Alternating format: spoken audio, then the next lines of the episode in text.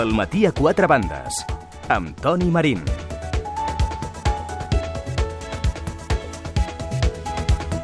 Les 10 i 7 minuts és fantàstic quan abans de començar una entrevista i et poses a parlar amb la persona i entres en una conversa absolutament apassionada, que és el que ens acaba de passar a la persona que avui ens visita. Tinc aquí el seu llibre, un segon, Sí.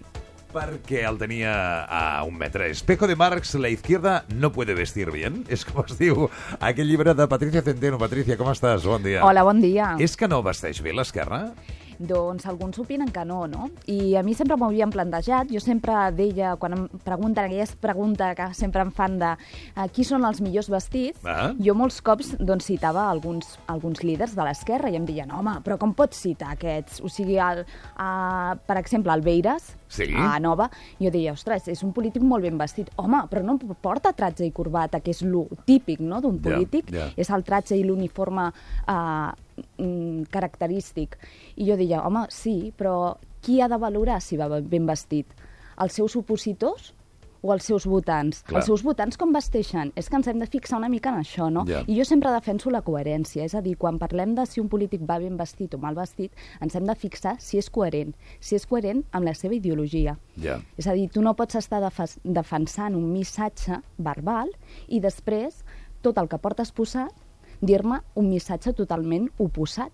Bueno, té lògica, absolutament té lògica el que comentes. No t'has especialitzat en aquest tema, perquè jo recordo que fa un any vam estar parlant d'un altre llibre, d'un Sí. altre llibre que es deia Política i moda, la imagen del poder, per ser Exacte. més exactes, Sí. i ara te, et fixes concretament en aquest altre segment, que és el segment de, de l'esquerra. Jo crec que ets l'única periodista especialitzada en aquest tema, no? Sí, sí, a Espanya és un, és un tema molt pioner, és a dir, el teníem molt oblidat. També tractem la moda, no passa com a França, que la moda és cultura. Aquí a Espanya costa molt més, i a Catalunya també, tot i que teníem una indústria textil superpotent, uh -huh. i, i ara, doncs, bueno, ens hem perdut una mica, no? hem perdut tot aquest, aquest cultiu. Uh, a Estats Units tot això ho tenen, bueno, supercontrolat, és a dir, són, són els reis del màrqueting i la imatge doncs, és superimportant, fins i tot per a una petita empresa, no? Això hauria de ser molt important de cara als assessors polítics, no? Dels polítics eh, que, no caigui, que no caiguessin efectivament en aquestes contradiccions que assenyales, no? Sí, el que passa que eh, també succeeix que els assessors d'imatge aquí a Catalunya i a Espanya doncs tampoc estan especialitzats en l'estètica. És a dir, un assessor d'imatge et pot estar eh, recomanant com has de fer la pàgina web o com serà l'escenari pel teu míting Mhm. o qualsevol cosa. I a més a més, doncs un dia si vas a la tele doncs et dirà, doncs mira, posa't camisa blava perquè abans eh, la camisa blanca no estava ben vista i tal i qual. Mhm. Però no hi ha gent que, que tingui en compte doncs, tots aquests detalls estètics. Vesteix diferent la dreta i l'esquerra? Sí, totalment. Sí? Sí. El que passa és que hem arribat a un punt, jo el vaig situar a finals dels anys 80, en què es comença a parlar d'un centre, un centre polític, no? suposat centre polític, i tots volen anar cap allà i recollir tots els vots dels altres. Ah, que- Què passa? Doncs que has de renunciar una mica a la teva estètica. Recordem tots tenim, el cas... ah, tenim, o sigui, ti- tindríem el vestim, la vestimenta de la dreta, la de l'esquerra, després el del centre, tant dreta com esquerra, Clar, que aquí coincidirien. Clar, clar, fan una renúncia, fan una renúncia a la seva estètica. Qui renuncia més? L'esquerra. És a dir, tots recordarem el cas supertípic de Felipe González, La jaqueta no? de pana. Clar, la jaqueta de pana, les coderes, les grenyes que portava, les camises de, de, de quadres de llenyador... Uh. -huh. bueno, tot això va renunciar ell. Quan va arribar al poder, tratge, corbata i camisa. Ahà. Totes aquestes, eh, jo li dic estètica classe obrerista, doncs la va deixar pels mítings. És a dir, doncs quan vaig amb el meu propi electorat sí que m'ho posaré, però pels de més, doncs no. I amb això, clar, també estàs renunciant una mica a la teva ideologia. Al fi, a la fi i al cap, l'estil és la personalitat d'una persona. Però quan un arriba al poder, i estic Sí. pensant ara, no sé, en, en Hollande, Merkel, estic, estic recordant Aleta, Sí. eh, tots van una mica molt uniformats, no? És a dir, tots són si fa no sí, fa igual, estan no? mima mimetitzats, Mimetitzats no? és la paraula, sí. Sí, la veritat és que sí, hi ha un uniforme que es va, es va establir a finals del segle, principis del segle XIX, que era un tratge, una corbata i una camisa, era l'uniforme diplomàtic occidental, Mhm. i l'han adoptat tots. No estava malament, és a dir, és un uniforme. El que passa que aquest uniforme, el tratge i la corbata, ha estat perdent valor. Abans ens, ens donava, ens transmitia eh, seguretat, serietat, confiança, però què ha passat? Que molts s'han aprofitat d'aquest tratge, és a dir, hi ha molts dictadors que van deixar de vestir uniforme militar i van mm -hmm. començar a vestir amb tratge i corbata. Uh, a partir del 15M hem vist molts cops, no? Uh, de fet, a la Troika parlem d'ella com els homes de negre. És veritat. Uh, si sortim al carrer no veiem gent vestida amb tratge i corbata, cada cop menys.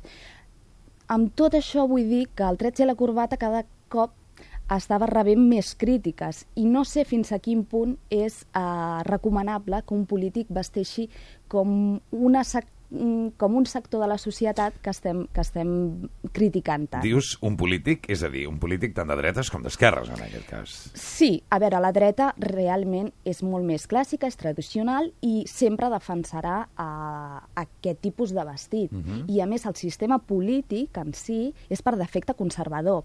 Qualsevol canvi en aquesta indumentària, en aquest tratge i corbata, sempre es veurà com una amenaça. Per això, quan hi ha líders, com abans parlàvem del David Fernández, que CUP. planteixen, Mhm. sí, que planteixen un altre tipus d'indumentària política, doncs sempre se'ls retreu, se'ls se tracta de... Bueno, és allò de, de descalificar a l'adversari estèticament. El que passa és que això dura quatre telediaris, fins que la persona, si és bona, comença a fer acte de presència, i amb el cas de David Fernández jo crec que la gent parla ja més del que són les seves intervencions davant el micròfon que no pas de la samarreta que porta. No, però... Això va xocar molt al començament. Sí, sí, sí que et xoca i que després ho acabem acceptant, però de totes maneres sempre es, sempre es parla no? De- d'aquesta gent que no porta corbata, d'aquesta gent que porta samarretes, d'aquesta gent que porta eh, sandàlies en comptes de sabates, aquesta gent que, no, que porta el cabell llarg. O sigui, la indumentària eh, d'esquerres sempre s'ha de revalidar. Ja. Encara que la dreta l'accepti, perquè és o sigui, és cert que al final la dreta accepta la indumentària de l'esquerra i se la fa seva, només hem de mirar a les noves generacions del Partit Popular, que ara van de neohippies, no? de hippie chics. Bueno, I- segons. Bueno, alguns. Segons si és sí. Madrid o és Barcelona, perquè són estètiques completament Sí, diferents. home, sí, després hem de parlar de, de les diferències geogràfiques, però sí que se la fan seva, fins Ah. i tot, jo que sé, les minifaldilles, no?, amb les dones, que, bueno, al principi era, ah, per Déu, i després l'adopten com a seva. Però sí que és veritat que sempre s'ha re- s'ha de revalidar, és Ah. a dir, la, la roba d'esquerres sempre té allò de, bueno, fins a quin punt és, és, és vàlida. Ja. Després tenim altres exemples. Mm. El xandall a Latinoamèrica, per exemple, Sí. no? que va ser... Eh, hi, ha, hi ha hagut eh, exemples brutals. El cas de Venezuela, Sí. per exemple, que allà tothom, Capriles, Maduro... mm, Evidentment, era una herència que li venia, li venia donada d'Evo Morales, però que després qualsevol que es posi davant d'una multitud o va amb xandall o no surt, no? Bé, la- l'herència venia de Fidel Castro. De Fidel Castro, és veritat, sí. és veritat. Venia Va. de Fidel Castro i tothom va plantejar-se per què Fidel Castro s'ha posat un xandall. A veure, Ahà. és un home que controla totalment la seva indumentària. De fet, si repassem la, la seva trajectòria ho veurem clarament.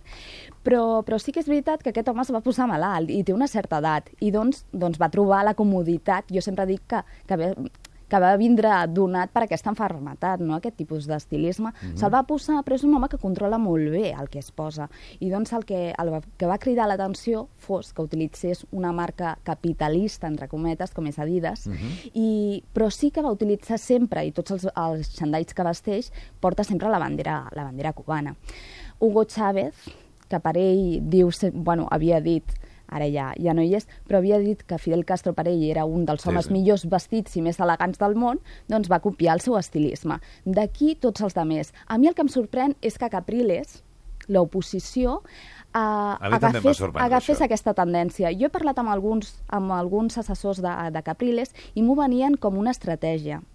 És a dir... Home, això és bastant evident que era una estratègia. Sí, sí, però com una estratègia que jo no acabo d'entendre. És a dir, uh, tu t'has de diferenciar sempre sempre. I jo crec que, que la, crisi, la crisi ideològica, moral i ètica actualment de la política té molt a veure amb això, no? que parlàvem abans de la uniformització uh -huh. de, dels polítics, doncs té a veure amb això, o sigui, cadascú ha de ser diferent, perquè si estàs defensant una, una ideologia diferent, també t'has de vestir diferent. Uh, per allò, aquell reclam de la societat de tots són iguals, quan diem allò de tots són iguals, tots els polítics són iguals, i ells s'enfaden, bé, però és que aneu vestits tots iguals, no ens esteu donant res de nou. Ja. Doncs que el Capriles es, es vestís amb el xandall, no va aconseguir res. Va ser posar-se el seu Sí, traje i corbata, eh? sí, sí, O sigui, sí. allò era el traje i corbata del moment, Clar, no? fins i tot ara la Cristina Kirchner fa uns mesos també va, fer, va ser notícia i va causar molta polèmica perquè ella va versionar el xandall amb unes malles, portava uns leggings Mhm. i també es veia com, bueno, va, tota la- tota l'esquerra llatina doncs està uniformitzant i mira, la versió femenina seran les malles. Sí, el que passa és que diguem que el cas de Cristina Fernández de Kirchner, que l'hem mirat molt, eh, com a conseqüència del teu Sí. llibre, diguem que ha fet una evolució ben curiosa. Sí. Eh, perquè serà tot lo d'esquerres que vulguis, però pija, No. pija, pija, no? A veure, jo d'esquerres... Mm, De- jo, veu, clar, jo començo el llibre dient, ostres, a veure, definir qui és d'esquerres i qui no... És molt difícil. És molt Jo difícil, estic ja molt per començar. Estic jo, molt eh, estudiant per la imatge, jo crec que la Cristina Kirchner, amb la seva imatge, no defensa res, però res, cap contingut de l'esquerra. A més, és, eh, jo defenso Home, que... jo no que sabia, perdona, llegint Sí. el teu llibre m'he assabentat que Sí. eh, no deixa que l'abracin No. perquè li fan malbé el pentinat. Exacte. Sí, no, però ella ho reconeix. Que a mi això sí que em sembla molt Ah, valent. o sigui, que ella sempre, sempre... I a més, la pregunta aquesta de... Que, eh, eh, jo recullo el llibre que diu és que m'hauria de vestir de pobra per ser una bona dirigent política? Mhm. No, no cal, perquè hi ha molts casos de gent que vesteix superbé a l'esquerra i que no li cal. El que passa que uh, Cristina Kirchner del que abusa és del luxe. I jo sí que defenso que l'esquerra s'ha de reconciliar amb el luxe perquè molts cops parlem de la moda com si fos un luxe i com si fos una marca. Uh -huh. uh, tota la moda és marca, és a dir, encara que anem a grans firmes o a firmes low cost, uh, són marques, però hem de reconciliar l'esquerra amb el luxe honest. És a dir, Luxe honest, Exacte, sí, sí. O sigui, el, el luxe de Cristina Kirchner és de allò que diem sempre de nuevo rico, no? Tu, tu has arribat aquí i em vols fer entendre que tu tens molts diners i doncs he de portar totes les marques, he de fer constar que porto un Dior, he de por- portar 50.000 euros en joies perquè tu veiguis que jo tinc poder. Però hi ha un altre luxe honest, que seria l'actual i que el, el que hauria de defensar i el que hauríem d'exigir-li a qualsevol líder eh, polític d'esquerres, que tindria a veure amb, amb les peces, amb les peces de luxe, que serien les peces úniques, artesanals i, a més, sostenibles. Sostenibles em refereixo no només al, al medi ambient, que tinguin respecte amb el medi ambient, això només cal girar l'etiqueta de les peces que ens posem a sobre, i a més que tinguin respecte pels drets intel·lectuals, és a dir, hi ha molts dissenyadors que fan el seu treball i després venen petites marques i els copien, i... Aquesta hauria de ser la moda de l'esquerra, dius. Clar, i que tinguin en compte que... De la- de l'esquerra adinerada, perquè jo, jo, a mi m'estan venint uns quants exemples de pantalons, mm, per exemple, els que em comentes tu, Sí. a 180 euros els vaig veure l'altre dia, responent absolutament a tot el que m'estàs sí, dient. Sí, i és un, és un preu just. O sigui, el que no és, Sí, és, sí. sí, el que no és, és comprar-se 12 parells de, de, de pantalons durant l'any, que ens costen potser 9 euros, que hauríem de replantejar-nos fins a quin punt s'han estat explotant aquests treballadors, perquè són empreses subcontractades a Tailàndia. Després passen aquestes coses que veiem a les notícies, que, que se'ns s'ensorren les indústries i queda gent atrapada allà. Aquestes són les condicions de la roba que estem vestint i que molts líders d'esquerra que van en contra d'això estan vestint i que no s'han fixat o no es volen fixar. I, i tot això s'ha de tenir en compte. O sigui, uh, és que este, estem defensant una cosa i després estem fent una altra, no? I aquí la incoherència. Estic I això somrient que perquè és tots aquests arguments l'altre dia me'ls estaven dient d'una manera molt, molt, molt molt, molt, molt eh, com ho estàs fent tu, és Sí. a dir, molt apassionada Sí. davant una qüestió que semblava molt clara per a aquestes Sí, persones, és que no? sí que és veritat que són 50, eh, potser doncs, 120 euros en uns pantalons, em sembla caríssim, però és que, que potser aquests pantalons ens duraran 20 anys. Ja. I el que fem ara és comprar 10 pantalons i al cap de dues setmanes, quan els hem posat a la rentadora dos cops, ja no tenim pantalons. Ja. Escolta'm, eh, m'estava venint la imatge, saps de qui m'estava venint la imatge? Parlant de polítics, Sí? tornant una mica al Sí. tema, eh? De l'Albert Rivera. És a dir, la primera imatge que va donar aquest home va ser en pilotes, despullat. Sí. En pilotes, despullat. Despullat, sí. Eh, és tot un eh, missatge, no? També des del punt de vista de la roba, també des del mateix punt de vista de l'estètica que estem Sí, sí. parlant, que algú es presenti com algú que no porta cap mena d'uniforme, és molt intel·ligent, això.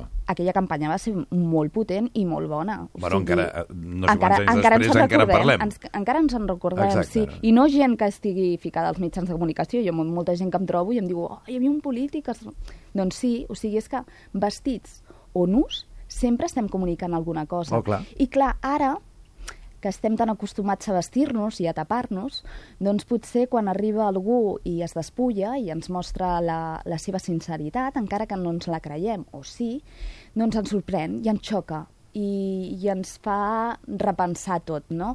Uh, no sé, jo molts activistes uh, ara utilitzen la samarreta pancarta, no? Mhm. Jo penso que aquest, aquesta eina acaba cansant, és a dir, ja l'hem vist a mà molt, i ara el que ens trenca és doncs, activistes, activistes de Femen, no? que utilitzen la, la pell, no? que no deixa de ser, doncs, la pell la podríem considerar un altre teixit Sí, sí, més, és no? veritat, és veritat. I doncs això sí que ens xoca, però ja les samarretes les han mm, utilitzat tant que ja han perdut una mica la seva força. Doncs cada cop veurem més aquests nus, i fins i tot fa un parell de setmanes veiem a Mèxic també un diputat que, que per defensar mm, una, un tipus de política doncs, va acabar en, en calçotets davant de tot el Parlament. déu nhi eh? Sí. Espejo de Marx. La izquierda no puede vestir bien. Posa'm exemple. Has- M'has parlat de, de Vieiras, no? A, a, Beiras, De sí. Beiras, perdona. Sí. Eh, Vieiras, jo també. Sí, bueno, tu ja Eh, Sí, pensant en el cap d'any, ho, eh? te- ho, tenia prop, ho tenia a prop de tota manera, ell també, eh?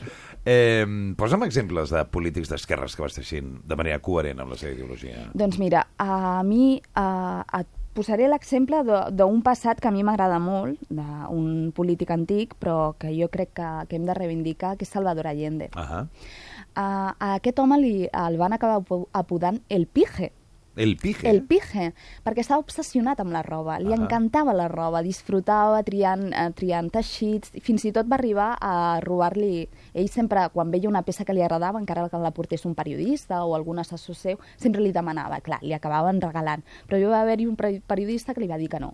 I doncs fins i tot se'n va anar a l'hotel, va entrar a l'habitació, va obrir l'armari, No. li va robar la jaqueta, li va deixar una nota dient-li que no havia sigut responsabilitat de l'hotel, però, però sí, o sigui, fins a aquest punt. I clar, els, els seus, no només l'oposició es queixava no? i deia que, que, clar, que no es podia ser socialista o defensar, defensar l'esquerra vestit d'aquella manera tan elegant, Ahà. però també els propis companys també li deien ¿Quiere decir, presidente, que tiene que ir usted así vestido? Ahà. no, no ho entendran. Doncs sí, sí que ho entenien. O sigui, uh, hi ha personatges, també situa Malcolm X. Malcolm X és una de les persones i una icona de la moda, no? I anava impolut.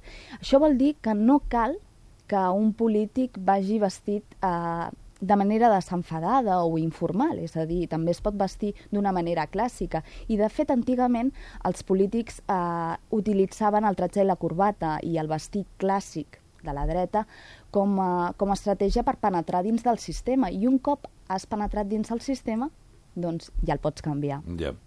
Estic veient algunes de les cites que a la contraportada del teu llibre hi ha la passionària, per exemple, és veritat que sempre vestia de negre aquella Sí, dona. sí, sí, sí. I ella, de, bueno, jo, jo no, no sabia ben bé per què ho feia, tothom deia que era, bueno, per, per, per l'època que era i tal, però ella defensa que com una persona de la seva classe no ha de vestir de negre, o sigui, que ella no podia vestir de vermell, perquè el negre queda bé amb tot, i tu pots anar a qualsevol lloc i anar vestida de negre, o sigui, fins a això. Però més que res la consciència, és a dir, ser conscients. Jo al primer llibre defensava la coherència, és a dir, que siguem coherents amb el que diem. I al final m'he donat compte de que potser moltes persones no són conscients i per ser coherent ets de, ha- has de ser conscient de qui ets i què vols. Oh, sempre, no? I en tota Clar, la vida, no? clar. I saber d'on venim. Exacte. Uh, avui obre les portes al Saló de uh, la Infància. Tu havies anat de petita al Saló de la Infància Doncs o no? suposo que sí, no ho recordo ben bé, però segur que sí. Molt segur que bé. va tocar. Doncs, eh, si em deixes, anem a treure el cap un moment per al Saló de la Infància, perquè ens acompanya la presidenta del Saló de la Infància, la senyora Helena Rakosnik. Senyora Rakosnik, què tal? Bon dia. Molt bon dia, molt bon dia. I gràcies per estar amb nosaltres. Què tal el Nadal? Com ha anat el Nadal? Doncs molt bé, molt familiar, molt bonic i la veritat és que celebrant-ho tot el dia, com suposo com la majoria de famílies, eh, al voltant d'una taula i al voltant de, de Nadales i al voltant de totes les coses que ens uneixen Mm, en aquests bé. dies. Senyora Rakosnik, que està a, a una estoneta, no?, d'inaugurar oficialment aquesta edició del Festival de la Infància. Estem parlant de mig segle de festival, no? Mig segle, ja té 50 anys. Per això és una data molt especial avui. Avui és eh, bueno, aquesta edició del festival, doncs eh, crec que es podran reunir tres generacions de, de persones i de famílies eh, que han pogut estar i han pogut gaudir durant tots aquests anys de, del Festival de la Infància. Uh -huh. Poden haver-hi avis, eh, fills amb els nets, i, amb, i, i tot això pot ser una, una, una gran reunió i, a més, un gran moment per celebrar-ho. Eh, el moment està sent complicat. Sí que una de les coses que farà també el festival enguany, eh, senyora Rakosnik, és recollir joguines, no?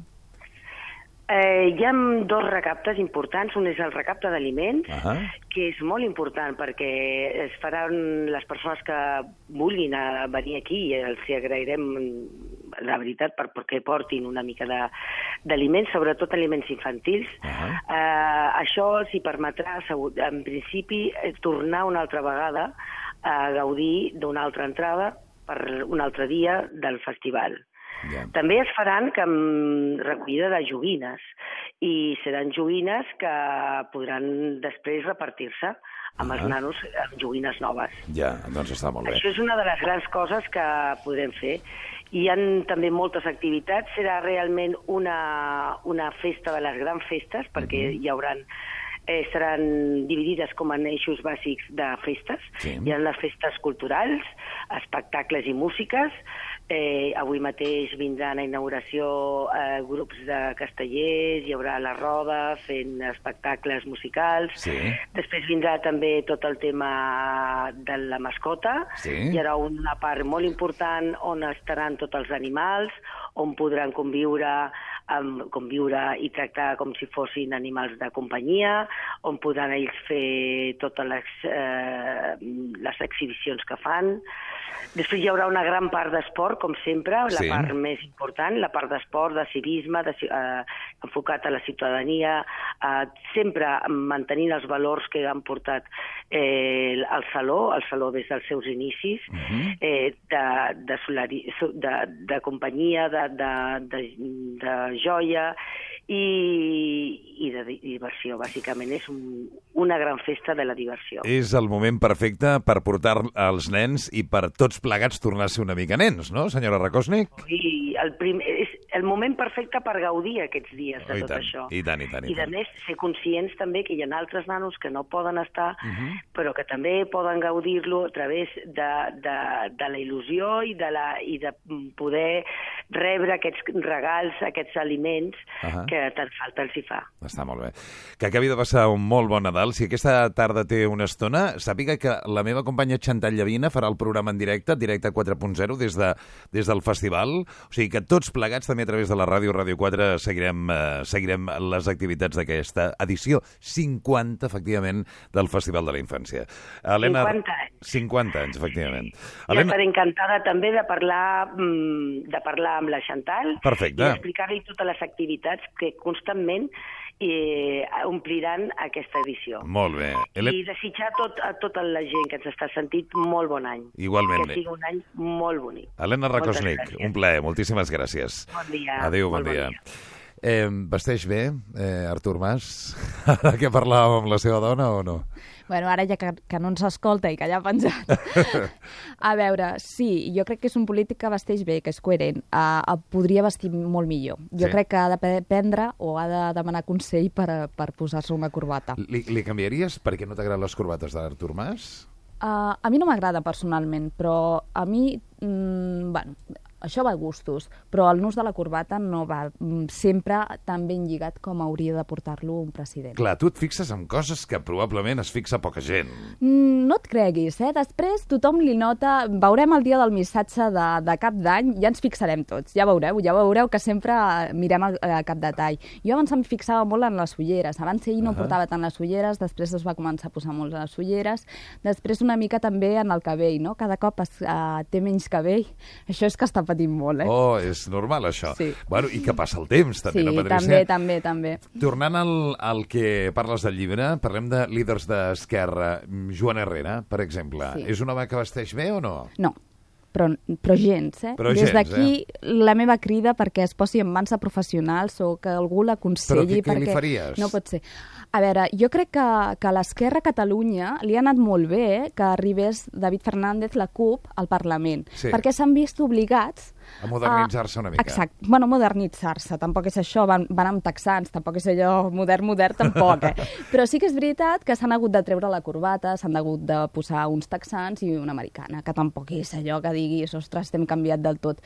Però jo crec que hi ha molta gent que no li agrada el tema de la moda, no li agrada cuidar-se, i doncs Joana Herrera jo crec que és un, una d'aquestes persones, no li interessa gens, però sí que crec que hauria de llegir Espejo de Mars, La izquierda no puede vestir bien, perquè hi ha molts consells que podria aprofitar. Deixa'm que saludi als integrants de la tertúlia jove del eh, programa. Gina Giró, bon dia, Gina. Hola, bon dia. Que t'està mirant amb els ulls i diu, hola, que interessant tot això, no?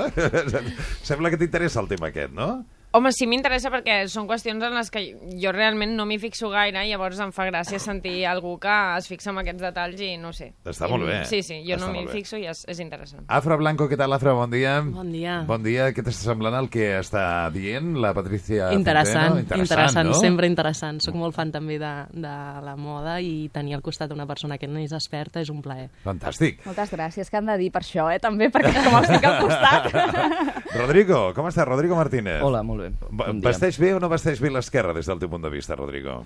No ho sé, no ho sé, no, no em fixo gaire, és una mica com, com la Gina, no, no penso molt en aquestes coses. Eh, costa. Potser és una cosa que sí que ens transmet, però no ens donem compte de que transmet. No, segur, no? No segur, perquè el que estem rebent és la imatge de conjunt, Clar, no? de la és un persona. missatge subliminal molts cops. És a dir, si nosaltres no li donem importància o pensem que no li donem importància, però al fi i al cap tots, tots jutgem no? per la imatge. Eh, el primer, el primer que veus d'una persona és la seva imatge, no pots parlar amb ella, no? Si la tens uh, lluny, doncs veus la seva cara, després veus la seva roba, i és això una mica, doncs ens fa decidir si és un home, si és una dona, si és d'esquerra, si és de dreta, si és bona persona, si és mala persona, si va arreglat, si no... I Pere Navarro, què et sembla. Pere Navarro? Ostres, és que la socialdemocràcia està supermalament. Estem parlant de la roba o...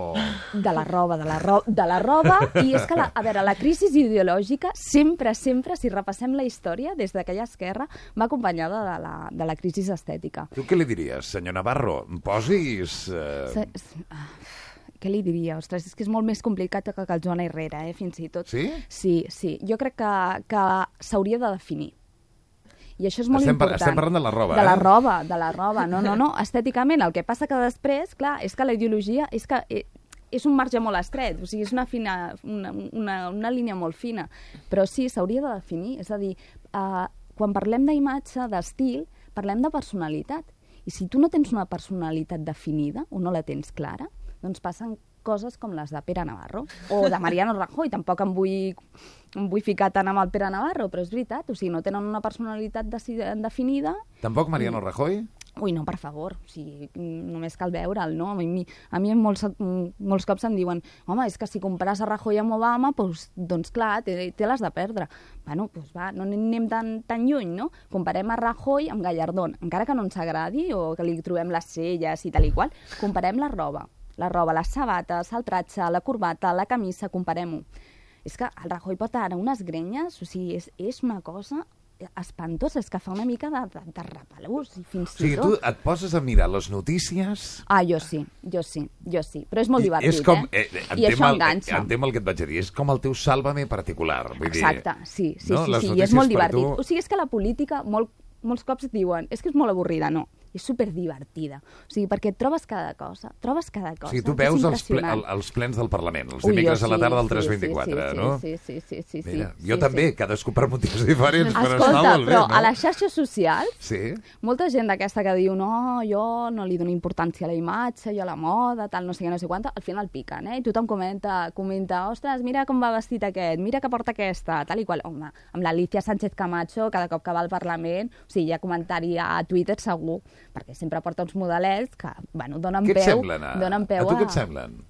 A mi què em sembla? Perquè a mi sempre m'ha semblat, i ho dic de veritat, que Vale. s'ha de estar molt segur d'un mateix, i a mi m'agrada, eh? Quan ella va amb determinats modelets, que dius, mira-la, Vale. Jo també crec que, que sí, que ha de, ha, ha de ser molt valent per posar-se el que es posa, perquè no tothom ho podria fer, o sigui, no, no s'atreviria, però per altra banda crec que no és correcte per una persona com ella, per una ideologia com ella, i després jo sempre la comparo, i això fa molt de riure, però jo sempre dic que l'Alicia Sánchez Camacho és l'Anna Obregón catalana, o sigui, no hem, no hem acceptat l'edat que tenim i volem vestir com una joveneta de 15. Vaja. I dit això, doncs, bueno, després un polític el que, el sé, que ha de espera. transmetre és Anem- seguretat, anem a repassar, serietat. anem a repassar. Hem parlat d'Alicia Sánchez Camacho, hem parlat de Joan Herrera, hem parlat d'Artur Mas, Mm. Hem parlat... De qui més hem parlat? De, Del Pere Navarro. De, Pere- de David Fernández. David Qui, qui ens falta? Esquerra Republicana, Oriol Junqueras. Bueno, Oriol Junqueras, aquí. aquí m'ha arribat. A Oriol Junqueras. A veure, jo sempre li deia que es tragués la corbata. Sí. Primer, perquè no està acostumat a portar corbata i és que no passa res per treure's la corbata. I més si ets d'esquerra, o sigui, és que, és que no cal. O sigui, Ja, la corbata acabarà desapareixent. Quan dic això, molta gent s'esvera. Uh, també a principis del sec de segle es deia que, que el barret no desapareixeria mai i va acabar desapareixent. Ja. La corbata desapareixerà. No li cal la corbata. Després, home, que es compri talla, eh, roba de la seva talla. O sigui, el que no pot ser és que sempre vagi descamissat d'aquella manera. O sigui, no, no, no cal. Ves, ves còmode. I després, jo el que sí que li diria és que el, el cabell el pentinés cap a l'altra banda. Sí. Li aniria molt bé. Sí. I ho deixo aquí. molt, molt bé. Eh, diu, la corbata es un trapo miserable que se transformó en coquetería masculina y andamos ahí con esa servilleta bien incómoda, con el calor. José Mujica va dir José eh? Mujica. Pat Sí, Patricia, ens ho hem passat molt bé. Me Com sempre que vens al programa. me n'alegro. Patricia Centeno, espejo de Marx, la izquierda no puede vestir bien. Moltíssimes gràcies, eh? A vosaltres, que vagi Fem, bé. fem una pausa molt beneu, tornem de seguida, ja introduïts de ple a la tertúlia del matí a quatre bandes, tertúlia jove, anat bé el Nadal, Gina? Molt bé, Sí? estupendament. Heu, heu menjat molt, Rodrigo? Doncs sí, clar sí. Com, com no, no? No. Com Clar. no? Tu, Afra, què tal, bé? Malaltona, Ma- malaltona. estàs malaltona, pobreta? Sí, he estat malaltona. Vaja, ja estic encara, estàs- però bueno, bé, bé, bé. bé. Bueno, t'agraeixo molt que hagis vingut. Fem una pausa molt breu. Tornem de seguida aquí a Ràdio 4. El dia a dia de molts infants i joves està marcat per la pobresa. Al Casal dels Infants els ajudem a superar cada obstacle, per difícil que sembli, però necessiten un suport extraordinari per no condicionar el seu futur.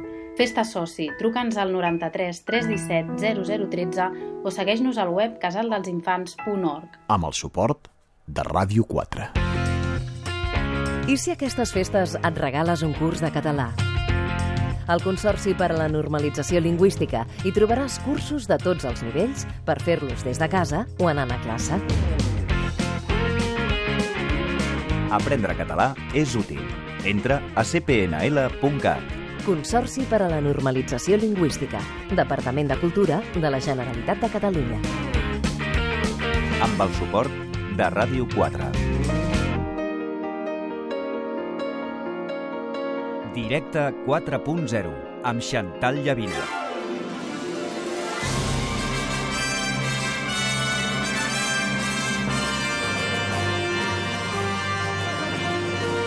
Aquest divendres 27 de desembre del 2013, programa especial del Directe 4.0 de Ràdio 4 des del Festival de la Infància de Barcelona, que enguany celebra la seva cinquantena edició. En aquesta edició especial ens acompanyarà la presidenta del festival i esposa del president de la Generalitat, Helena Rakosnik, i la seva directora, Roser Soleil. També rebrem la visita de Pep Bou, l'home de les bombolles, que ens presenta el seu nou espectacle Bombolla va al Teatre Lliure de Barcelona. Tampoc hi faltarà els experiments del científic del programa, Dani Jiménez, experimentant en directe amb tots els nens que ens visitin. Explicarem contes pels més petits amb la Lali Rondalla, ens visitarà la Patx Estel i també ballarem amb la música del Jerónimo Stilton i els Fantàstics, que ens interpretaran cançons del famós musical. Connexions en directe explicant les activitats del festival i tertúlia d'experts amb la Clara Darder seran altres dels continguts d'aquest programa especial dedicat als més petits, 27 de desembre, directe 4.0, des del Festival de la Infància de Barcelona. Directe 4.0 amb Xantal Llavina.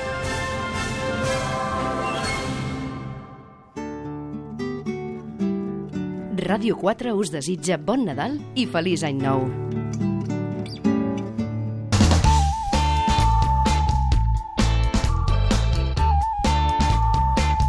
Dinou minuts i les 11 del matí. Ha anat tot bé a casa, Rodrigo? Molt bé. Sí, diuen que s'ha d'anar en compte amb les discussions familiars, perquè després de molt de temps una retroba amb tothom. Eh, Dic Rodrigo, però estic dient també Gina i també Afra, eh? I, i, i que s'ha d'anar en compte sobretot per parlar de política. Diuen que ara, quan menys es parli de política a les cases, millor. Millor. Nosaltres no n'hem parlat gaire, de fet, aquests dies. Sí? Ni una miqueta. potser una miqueta, però és allò que es formen diferents bloques a la taula i cadascú amb la seva opinió i és millor no barrejar-se. Tu què dius, Afra? Home, jo en aquest sentit he tingut una sort i una desgràcia que no he pogut compartir aquests dies amb, amb els papes i les mares i l'àvia, Ah, vaja. Però, però la sort ha estat que no hem tingut aquest espai de debat. Eh? el tindrem, el tindrem per cap d'any segur. Ah, segur. molt bé. Que no, no ets de Barcelona, tu? Bueno, la meva família és tota de, de Galícia. Ah, tu... Sí. Ah, molt bé, però tu vas néixer a Barcelona. Jo vaig néixer a Barcelona. Perquè tens l'accent més català bueno, impossible, si vols et no? parlo en gallec i llavors em surt el ti- el- El- L'accent gallec, eh? del nord. Sí. Que bé, això, no? Que bé, eh? Poder dominar diverses llengües a, a la vegada. I ha anat tot bé, i regals i totes aquestes coses?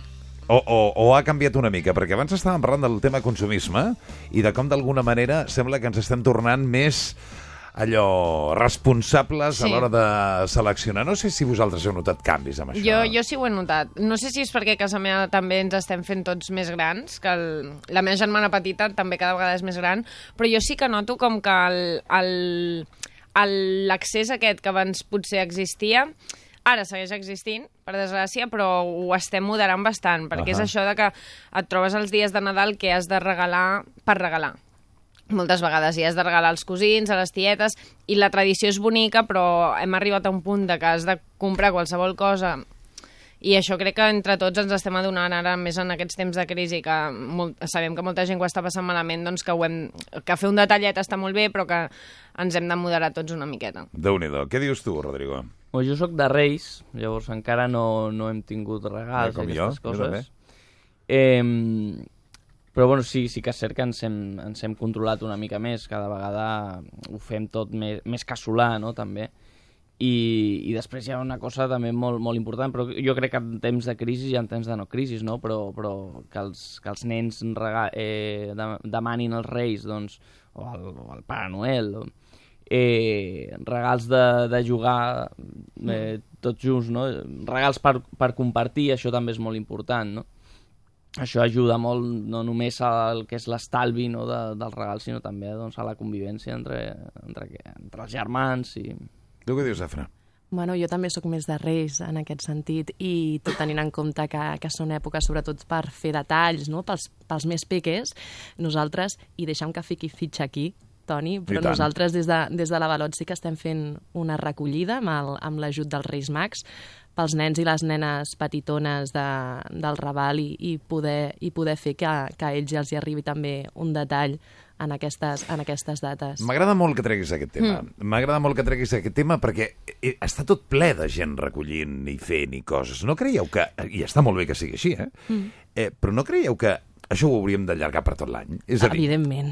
no? Evidentment. És a dir, perquè ens fem un far ara de campanyes televisives, de programes de televisió, tret del gran recapte, que efectivament fan dos, tres campanyes al llarg de l'any, però escolta, estan com estan les coses, no seria millor una mica distribuir-ho? Què penseu?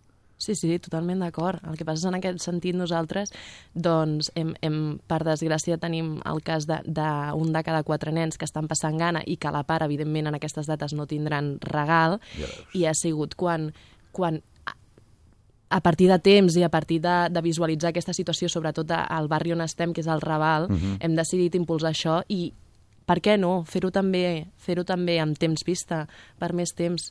Es fa necessari ajudar Sí, durant els 365 dies de Oh, per l'any. això ho dic, no? Per això ho dic. Què, què... Sí, estic totalment d'acord que mm, segurament doncs, si es pogués distribuir més uniformement al llarg de tot, tot l'any estaria molt bé, però també és cert, jo crec que mm, partint del, del punt en el qual segurament la solidaritat de la gent té un límit no per un tema d'egoisme, sinó perquè doncs, no ho sé, perquè costa, hi ha molts costos de coordinació.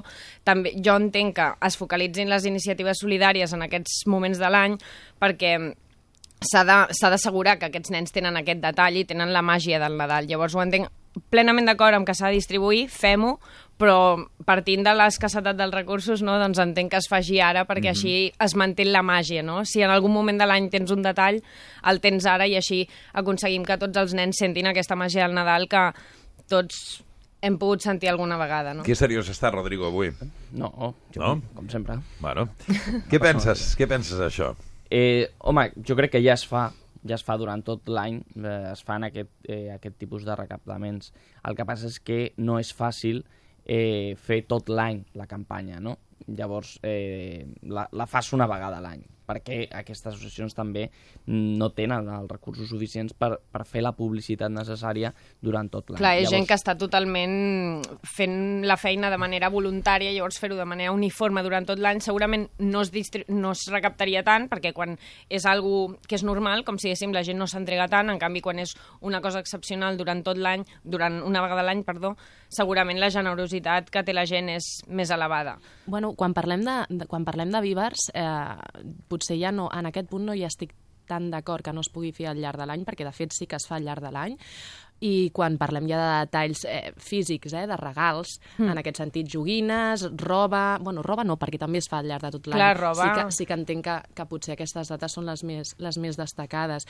Però tot i així hem parlat de màgia i, i m'agradaria llançar un missatge de que, escolta'm, tots i tots i totes donem màgia en aquestes dates. Per què no guardem una miqueta d'aquesta màgia que, que li regalem en aquestes dates per tenir-la també la resta dels dies de l'any? Vull dir, sí, crec... jo crec que hi ha sempre plenament d'acord en incrementar-ho, però hi ha iniciatives a un munt d'hospitals, a un munt de sí, sí, sí, sí. Eh, parròquies durant tot l'any per donar roba, per donar menjar, vull dir... Sí, però no posa un dubte ni molt menys la màgia que tu li vulguis donar en aquestes sí, sí, dates no, ni la que li donem nosaltres. El fet nosaltres. de fer-ho especial és com la marató. Si ho fas al Nadal, segurament, com que tothom està imbuït d'aquesta àurea nadalenca, segurament molta més gent ho donarà que si ho fas al mes d'agost. Però hi ha aquí la problemàtica que tenim tots plegats. Llavors, ens hem d'autoanalitzar tots plegats i, i adonar-nos que que la solidaritat no té una data, sinó que la solidaritat ha d'anar intrínseca amb nosaltres. Plenament I és una conscienciació que, que ens hem de... Estic totalment d'acord, però també crec que a Catalunya hem d'estar molt contents de Sí, sí, totes les totalment. iniciatives socials i moviments socials que hi ha a, a, a, aquests anys a Catalunya, començant per el Gran Regat de la Marató, i jo veig dia rere dia mm, molts, molt, moltes iniciatives que De- hem d'estar De molt fet, som els orgullosos. primers, Exacte. som els primers en solidaritat, sí. Exacte, aquí a. Catalunya hem, sempre s'ha de ser més exigent i hem d'intentar millorar, però també reconeixem les coses que estem fent bé com a societat, jo crec. Què, Rodrigo? Pues sí, doncs que totalment d'acord. Sí, Estàs d'acord, sí, eh? No dic, no sigui cas que no estigui d'acord el Rodrigo. No, no, no, és cert que es fa, es fa durant tot l'any i hem, hem d'estar molt, hem d'estar molt contents. I en Ja. aquestes dates doncs, sempre puja, no? Escolteu-me, i el cap d'any? Com, com enfoqueu això al cap d'any? Tranquil. Jo me'n vaig a París. Que bé, no? Sí, sí. Que bé. Estic molt contenta. Tu viatges molt, no? Sí, sempre, sempre ho parlem a la mínima que puc. És veritat, eh? Està molt bé, està molt bé. Tu què fas, Rodrigo? Doncs un dinar, un sopar. Eh, Hola, quin fiestón, no? Sí, sí, sí, lo, ho allarguem una mica. Eh, un sopar i, i després les, les uves aquestes i, i doncs prendre unes copes. Prendre unes copes. Sí, però bueno, pla, Però- un, un plan tranquil. Eh? Tranquil, unes copes caseres o unes copes... Unes copes caseres, sí. Sí? Sí, sí, sí. Està molt Sí, bé, sí. està molt bé. Què fas tu, Afra? Jo acabant de decidir què faré. Encara no tens clar? No, soparé amb la família, però després no acabo de tenir gaire clar que, cap on tiraré. A algun lloc aniré, segur. Em portarà la nit de Barcelona a algun lloc, però no ho A tu sé. t'agrada acabar la nit tard o què? Bueno, m'agrada acabar la nit a, amb els amics i les amigues a l'hora que sigui. De vegades a les dues i amb un somriure i de vegades a les set i amb un somriure, però sempre amb un somriure. Avui, com, ens, com, ens ha agafat, com ens ha agafat enmig del Nadal, estem parlant de temes nadalencs. eh, De tota manera, nadalencs, de tema de festes. Però si hi ha alguna cosa de la que voleu parlar, perquè avui tenim el tema avortament d'una banda. No, podríem parlar del discurs del rei, que sempre és el típic que es parla aquests dies, El no? Rodrigo crec que no l'ha vist, no? Ah, no, jo tampoc, eh? Ah, no? No, no, jo sí, tampoc, tothom però precisament podem rei, parlar... però- Ningú l'ha vist. Ningú l'ha vist. És que és això que m'agradaria comentar. Vull dir, jo crec que aquest discurs del rei és el que menys gent ha vist. Jo No, no, no conec creus, quasi no. ningú que l'hagi vist. És el discurs que ha tingut l'audiència més baixa de la història Sí, no? dels discursos Doncs potser del que ens ho plantegem, no? Significatiu, Això de... significatiu. Sí, sí. Pot- Tu l'has vist? No, jo no. Ah, tampoc l'heu vist? No. Ningú l'ha vist. A mi, no sé, si algú l'ha vist, tu l'has El vist? control l'ha vist? Algú?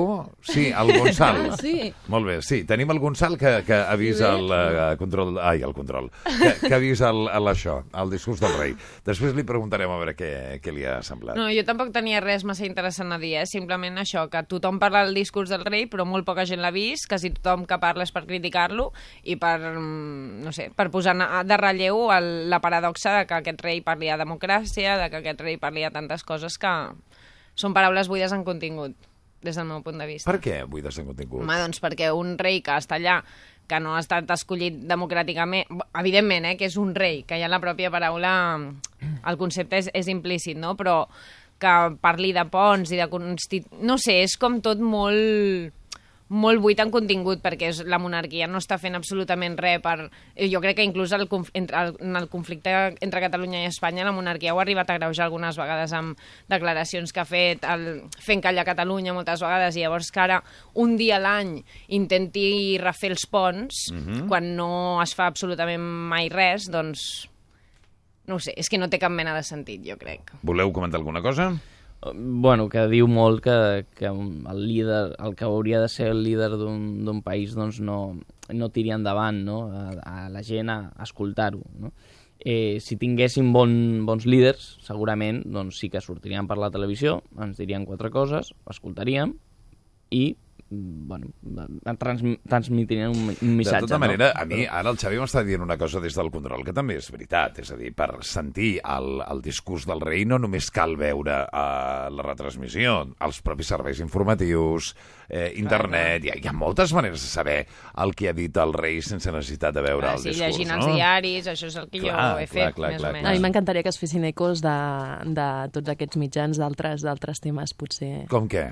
Do, bueno, ho has mencionat abans, no? El tema de l'abort, crec que... Però si és portada a tot arreu avui. Bueno, no, però que en aquest sentit crec que hauria de ser més. Vull dir, haurien de donar... Però se n'està parlant molt, eh? I més que s'hauria de parlar, i més que s'hauria de criticar. Trobo, eh, sota el meu pare... jo veig en moltes sentit. crítiques, inclús dins Amb- del PP estan sorgint això, Sí, crítiques. és cert, i amb això el que vull dir és que trobo que va ser un moment de, de, de treure espai a, a un personatge que a mi personalment no m'aporta res, per això tinc aquest, Sí, aquest, sí. aquesta opinió, i donar-li donar, espai a, a, a la societat i al, i al nostre parell i al que està passant no, a dia d'avui. Mhm. que és que no... Bueno, però se'n parla molt, no? Jo, sincerament, no tinc la sensació de que a, a, el fet de parlar sobre el discurs del rei hagi impedit parlar de la resta de coses. Vull dir, perquè déu nhi no? Bueno, No, jo sa- veig que se'n parla molt de l'avortament, també. I el salari mínim? Oh, mira, Sí, jo, que- jo, jo, avui el jo he obert el programa amb això. aquesta- Hem obert el programa amb això, amb el Sí, salari cert, mínim. raó, hem, hem raó, entrevistat a, mira, a un company teu, a Miquel Ángel Escobar, només obrir el eh, Ha estat programa. molt bé. Ha estat molt bé, Miquel Àngel. Ah, ho has escoltat? bé, Sí. Ah, ho has escoltat. Sí, doncs escoltat. això, o sigui, clar, si és que el que passa és que cada cosa en el seu moment i en el seu dia. Avui toca parlar, efectivament, del tema del salari mínim. Doncs el que hem de fer és treballar a Mercadona, no? Em sembla que són els que... Han, no? Que Per què? Què passa a que, Mercadona? Que, que a Mercadona. Què passa a Mercadona, Rodrigo? Què ha passat? Del Mercadona? Sí. No han arribat a un acord eh, els treballadors i l'empresa per posar el salari mínim a 1.200 euros? Mhm. Bueno. Una cosa així? Ah, sí? Ja, Ah, no ja sé. en parlarem de, Que- de tot Home, plegat, ja ho veurem. Recordem, no, no, Ja ho recu- veurem. perdona, recordem que Mercadona està considerada per als seus propis treballadors com una de les millors empreses per treballar a Espanya. I això és per elecció dels treballadors. Vull Sí, dir... és cert, és cert. El que passa és que jo tinc, suposo que sóc una mica crítica perquè conec gent també de dins i m'arriben diferents inputs, eh? Ja. Però en aquest sentit, home, evidentment, si el salari mínim, si es respecta aquests 1.200 euros, endavant, fem-ho, amb el sindicat al costat. Més el doble del que està costat, fixat per però, llei, o sigui. Però, vale, El, el que dius, Gina? que si el salari mínim... Jo d'això no n'estic massa informada, però si el salari mínim a Mercadona són 1.200 euros, és el doble del que està fixat per la llei, quasi bé. Per tant, ja surt a compte treballar allà. Bueno, a mi m'agradaria saber també quines són les condicions dels treballadors i de les sí, treballadores. sí, totalment. No, Sí, però en qualsevol... O sigui, mm, En qualsevol cas, si paguen el doble en que el que cas, treballar. no, hi ha una cosa, hi ha una cosa que, que, que és així, insisteixo, que són els propis treballadors de Mercadona. I- i això jo, no tinc, jo no tinc sospita surt- de, de defensar surt- ni en absolut de, de, de res d'unes votacions dels propis No, treballadors. però, però una pregunta, aquestes condicions surten de què? I estic, seré sarcàstica ara, eh? De, què- del conveni? D'un conveni?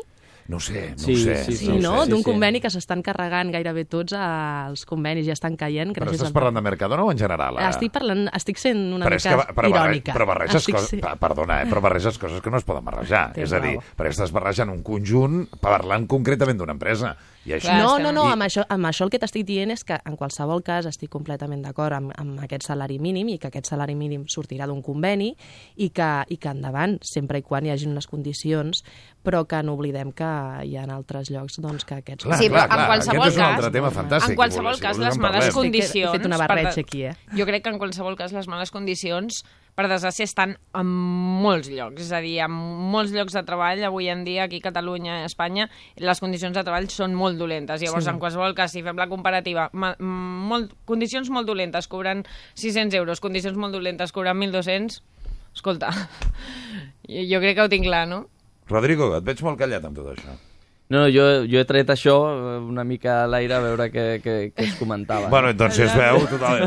Ara, ara cal que comentis tu, no? Ara cal que comentis tu, que donis una No, mica... no, Et veig una mica passiu aquest matí, Rodrigo. Sí, estic una mica... És, és Nadal. Ahir mas- masses canelons, estic, estic no? feliç. Massa canelons vas menjar ahir. Els canelons, sí, sí, de Sant Esteban. Estaven bons? Estaven molt bons, molt Sí? bons. Sí, sí, quants, sí, quants canelons vas menjar? Em vaig menjar tres canelons. Tres? Ah, jo també, no són tant. No són tants? No, no són tants, no són tants. I què més vas menjar ahir a banda de canelons? Ahir, no, plat únic, no? em sembla una mica d'aperiti- d'aperitiu i...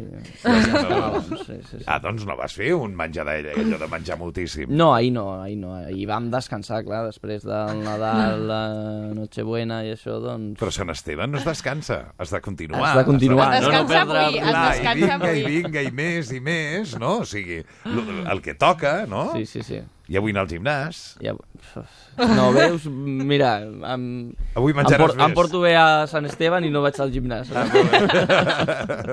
Déu-n'hi-do, déu nhi déu eh, Gina, tu què? Vas menjar molt ahir? Um, sí, vaig, vaig menjar bastant. Vam anar amb la menjar. família a Arenys de Munt i vam anar a un restaurant i ens vam... Perquè vam fer els, di els dinars i sopes a casa per nit bona i Nadal i Sí. ahir ja tocava restaurant perquè ja si no nos volvíamos todos locos I- metidos en casa. Escolteu, i com només queden dos minuts, feu allò dels propòsits per l'any... Sí, passa volant el temps, això és una cosa que està...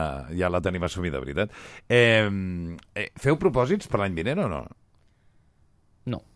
No? No, no, no. A tu t'és igual. No, és que, clar, eh, faràs propòsits Però perquè... tu no per volies aprendre a parlar francès? Eh, sí. Doncs propòsit pel No, però ja, 2014. ja, ja m'ho vaig proposar. Ja m'ho vaig proposar, ja 2013. està proposat. Ah, això ja està proposat. Sí, Val. sí, al setembre. Ja estàs en ello. Vale. Eh, Gina, tu? Jo m'acostumo a fer propòsits, però és veritat que els faig molt...